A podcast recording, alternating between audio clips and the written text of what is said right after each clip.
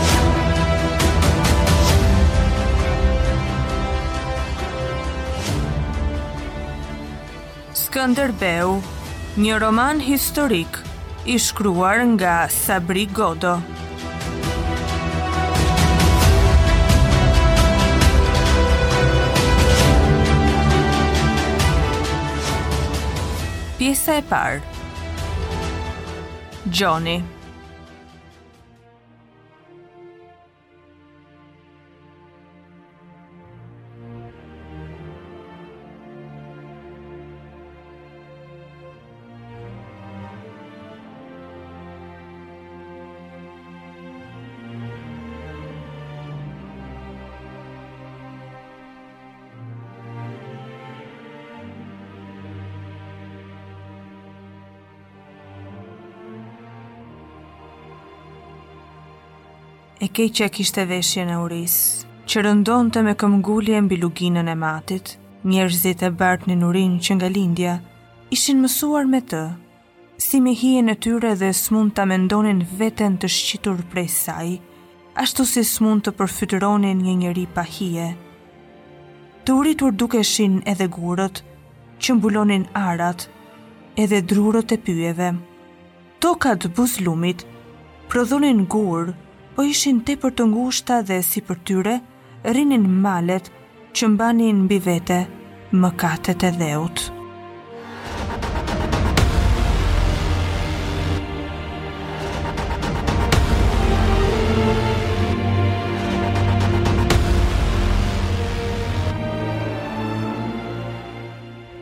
Populli i luginës së Matit ishte mësuar me urinë, por nuk mësohej dot me mungesën e armëve dhe të kripës.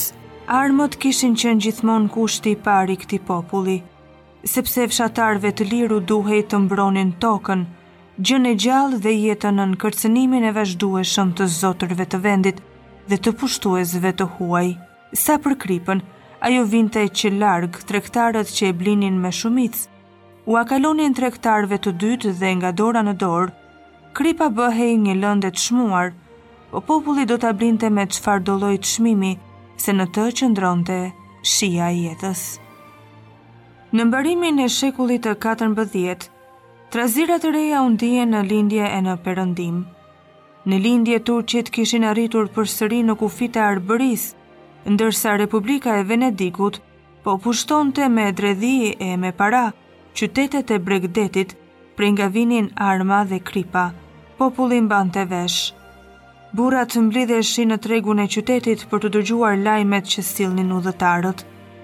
Po shteti qëndror bizantin ishte shembur prej kohësh. Zotërinjtë tani të fuqizuar grindeshin. Vendi sikur përkundej, A thua se po e tërhiqnin pushtuesit e huaj? Malet u dukën më të ulta dhe ndjenja e një fatkeqësie të afërt sundonte përherë e më shumë shpirtin e të gjithëve. Në këtë kohë, ra papritur në qytetin e Matit Gjon Kastrioti, duke përhapur shqetësim, siç ndodhte çdo herë me vizitat e tij të befta e të rralla.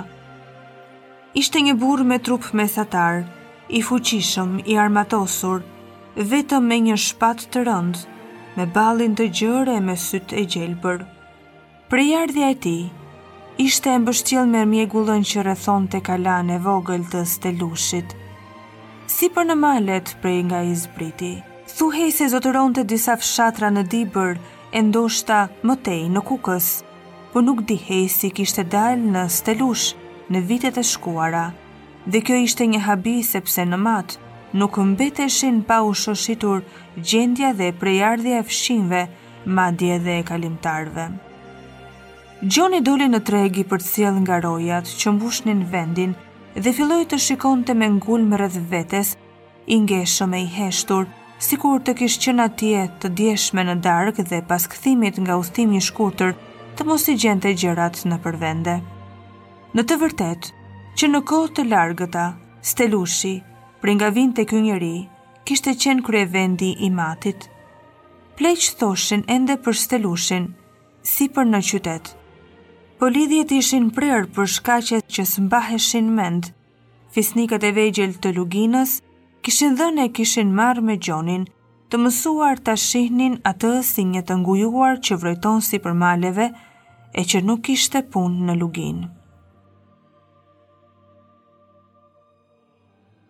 Kësaj here ai nuk vinte si një vizitor, Rreth tij u përhapën lajme të çuditshme, që kaluan nëpër gojët e njerëzve dhe hynë në të gjitha skutat. Gjoni i Stelushit kishte blerë pronat e tre fisnikëve duke u bërë brenda një nate, zot i gjysmës së qytetit. Dukej se lart në Stelush, që ishte pika e kalimit ndërmjet Dibrës e Matit, kishte mbledhur para për një kohë të gjatë dhe kishte rënë në mesin e tregut e në mes të njerëzve si një shpend i madh, i fshehtë dhe grabitqar. Nga sofatet e dyqaneve, burrat e vjetër zunë të çohen e të përshëndesnin ardhjen e tij.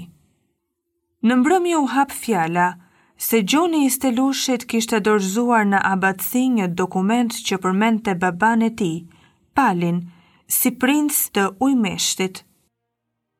Kjo e shtoi misterin rreth tij. Ç'donin të thoshin ky dokument dhe ky dorëzim? Hamendja e qytetit u ngrit lart, pastaj u fashit. Ky njeri kishte dëshirën të quhej bir i princit të Ujmeshtit, titull që s'tregonte asgjë dhe që nuk të çonte në asnjë vend.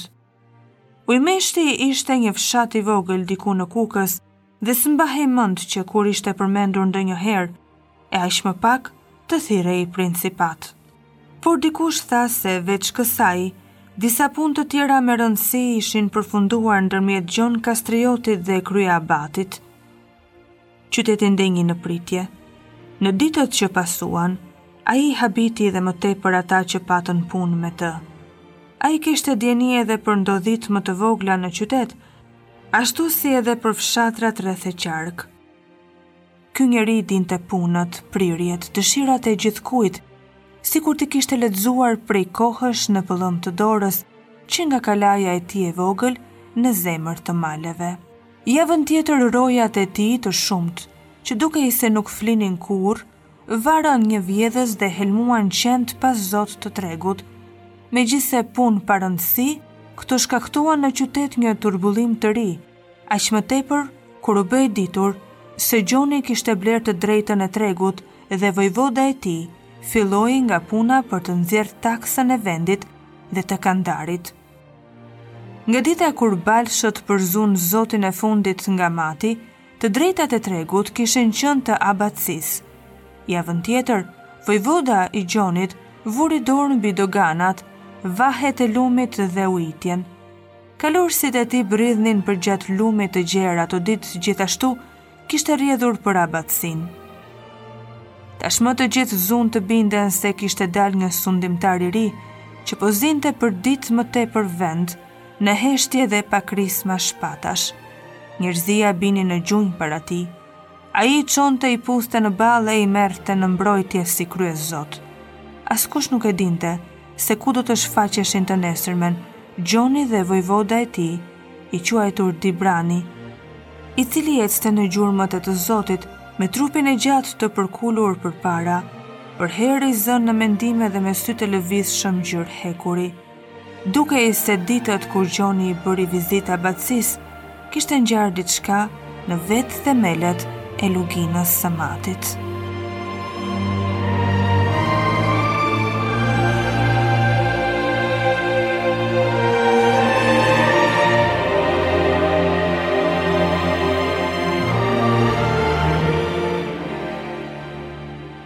Zotëria nga Stelushi nuk e njihte prehjen, Hoqi disa sundija dhe vuri disa të tjerë. Në krye të vitit ai kishte zgjeruar pronat dhe përparonte më poshtë, drejt grykës së Shkopetit. Fshatra të tërë u kthyen në prona të tij. Lugina e Matit jetonte në kllapi dhe sa më tepër përpiqej të çlirohej nga e keqja e re, Aq më tepër mposhtej prej saj, Gjon Kastrioti rritej dhe Lugina zvogëlohej. Mbaroi shekulli i 14 dhe hyri shekulli tjetër. Kalimi u bë pa zë, njësimi i kohës nuk u prek. Të dy shekujt u rrotulluan ngadalë, dhe në Mat askush nuk tha asnjë fjalë për këtë hap kolosal të kalendarit. Por së largu, u ndie një gjemim, i denjë për një ngjarje të tillë.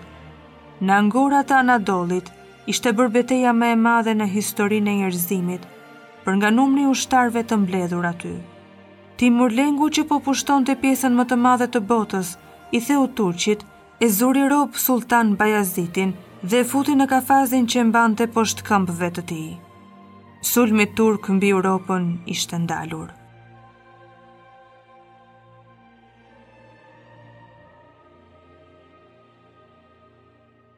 Kjo ngjarje në anën tjetër të dheut pati rrjedhime të menjëhershme dhe në krahinën e Matit. Gjon Kastrioti e pa veten të lirë të kalonte Shkopetin dhe vuri nën sundim fshatrat pjellorë që çonin në det, ndërmjet Krujës dhe Lezhës.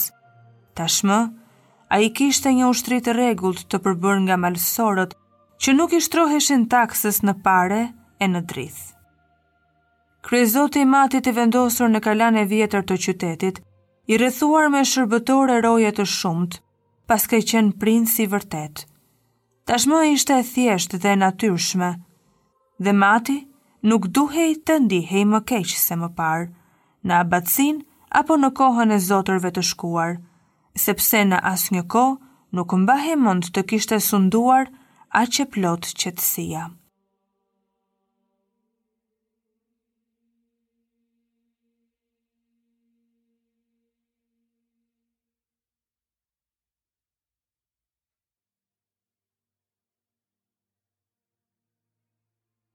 pak nga pak, një gjallëri e re po ua zinte vendin pritjes dhe shqetësimit. gruri, lënda e drurit, leshi, lëkurët, dylli, çdo gjë që prodhonte vendi, filloi të shkonte rrjedhshëm drejt grykës së lumit, ku hidhnin spirancat, anijet e lehta veneciane, me të cilat jepte e merrte Gjon Kastrioti. Ai hapi në bregdet një doganë dhe tregtia e armëve dhe e kripës kishin kaluar në dorën e tij. Mallra tani lëviznin me karvan, rrugët e tregtisë u bënë të sigurta dhe çanë drejt Malësisë. Kishte mbaruar plogështia që qarkonte këtë vend. Po ndërsa merrej me shpronësimin e fshatrave të reja, me ushtrinë, me mbledhjen e taksave, me tregtinë, Gjoni i kujtoi matjanëve se baballarët e tyre kishin njohur edhe punën angari. Burrat e djemtë mbi 14 vjeç u thirrën të ndërtonin kalanë dhe murin e gjatë rrethues, Pastaj do të forcoheshin kalatë e Stelushit e të Gurit të Bardhë dhe çdo dimër do të pastrohej pylli për të hapur toka të reja. Njerëzit u vunë me dëshirë e me dhunë të nxitonin pas punës dhe të jetonin nën kushtet që vinte sundimtari i ri. Mati kishte gjetur një zot të gjithanshëm, nën të cilin do të rënkonte dhe do të krenohej në të njëjtën kohë.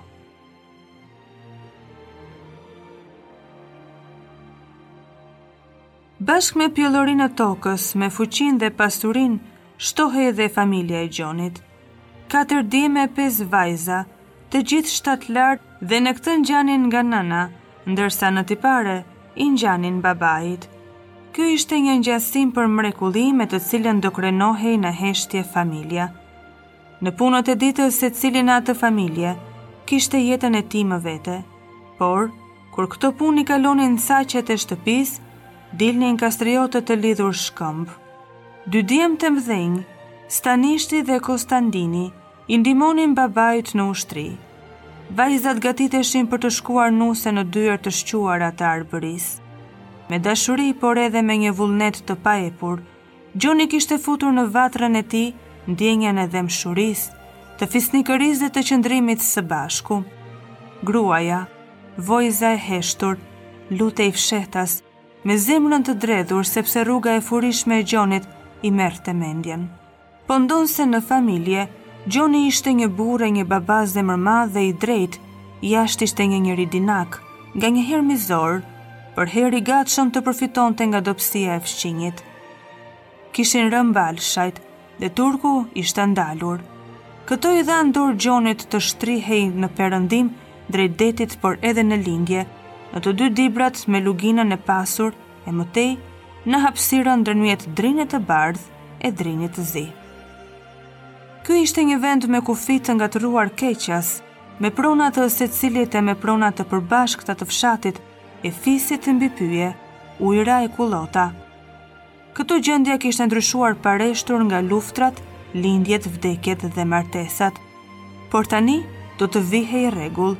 Gjoni zuri të bënte çdo dy vjet regjistrimet, në luginat e vendet e ulëta, që çdokush të paguante taksat, kurse malësia do të paguante aq sa mundej, ose aq sa donte të paguante me marrëveshje me Gjonin, e duke u gjendur atij me ushtarë. Ndërmjet Gjonit dhe bujqve e blegtorëve, qëndronte shtresa e fisnikëve të mesëm e të vegjël, që ishin mbështetja e tij e fuqishme, të cilën Ai dinte ta drejtonte duke e mbikëqyrur në çdo kohë, sepse nuk ia kishte besën.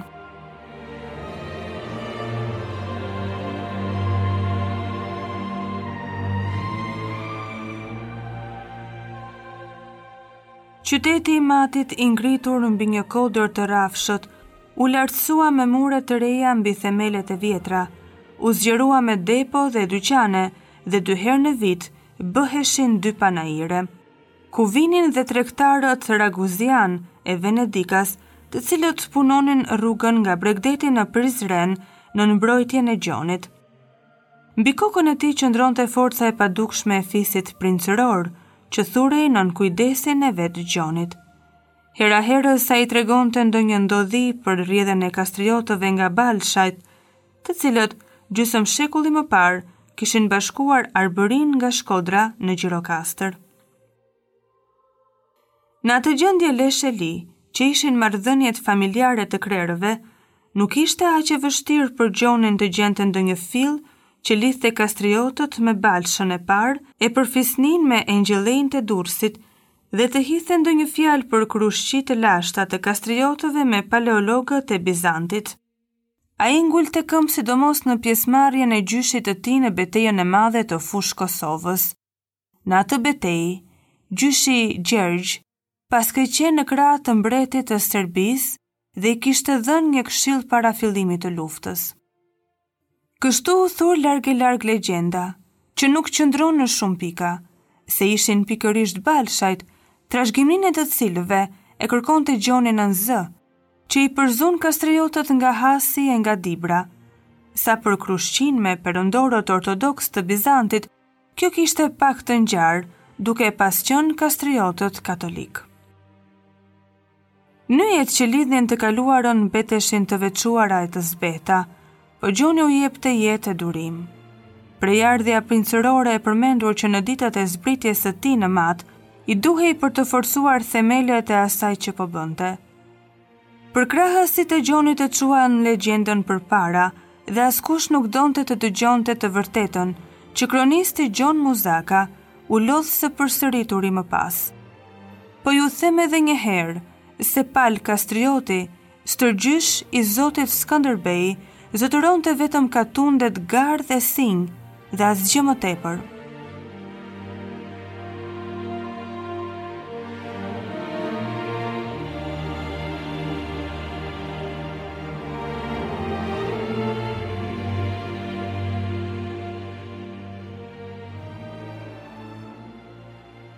Turqia po rrënohej nga brenda. Pesë djemtë e Sulltan Bajazitit që u zu rob nga Timur Lengu, luftonin njëri-tjetrin për fronin. Venediku përparonte në bregdet. Kishte zënë Tivarin, Ulqinin, Drishtin, Durrësin, dhe më vonë Dukagjinasve u bleu Lezhën, duke zotëruar krejt Adriatikun ku flitej gjuha arbërore. Në hapësirën ndërmjet Turkut dhe Venedikut, pas rënies së Balshajve, kishin lëvrirë prijësa të vegjël të kapur pas historisë që nuk do t'i shpëtonin nga asgjësimi. Gjon Kastrioti përfitoi edhe më tej në të dyja krahët.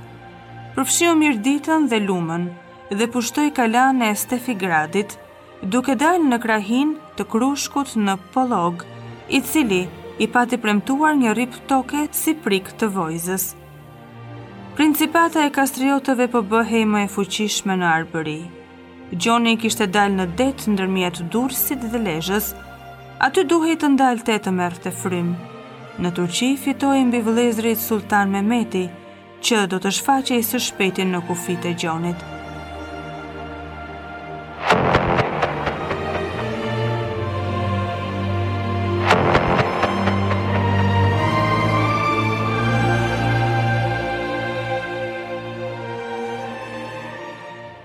Venediku e kishte parë me sy të mirë rritjen e Gjonit dhe e kishte quajtur fqinj i fuqishëm e katolik i mirë dhe e kishte bërë qytetar nderi më një mijë e katërqind e shtatën, por ky nuk duhej të rritej më tej.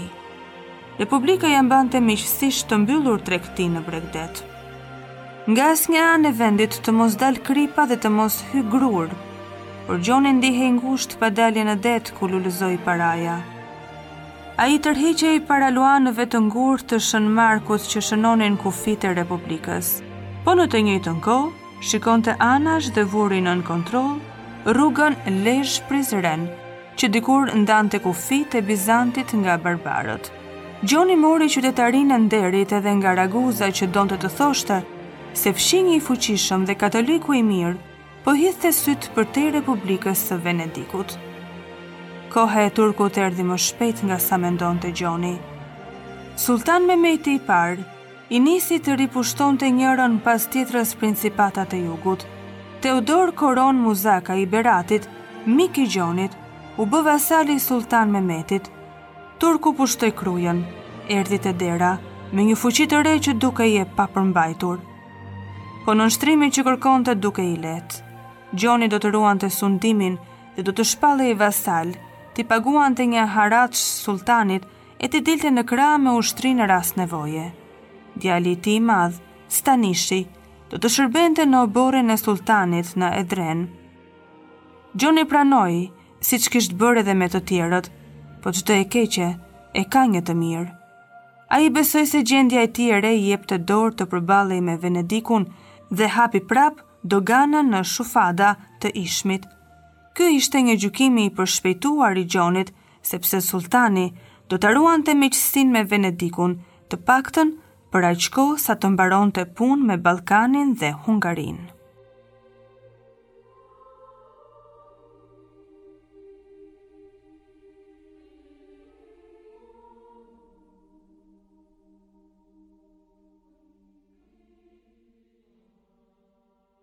Në portin e vogël të Ishmit, ku Gjoni kishte ndërtuar një bankinë, filluan të vinin anijet nga Napoli dhe Raguza.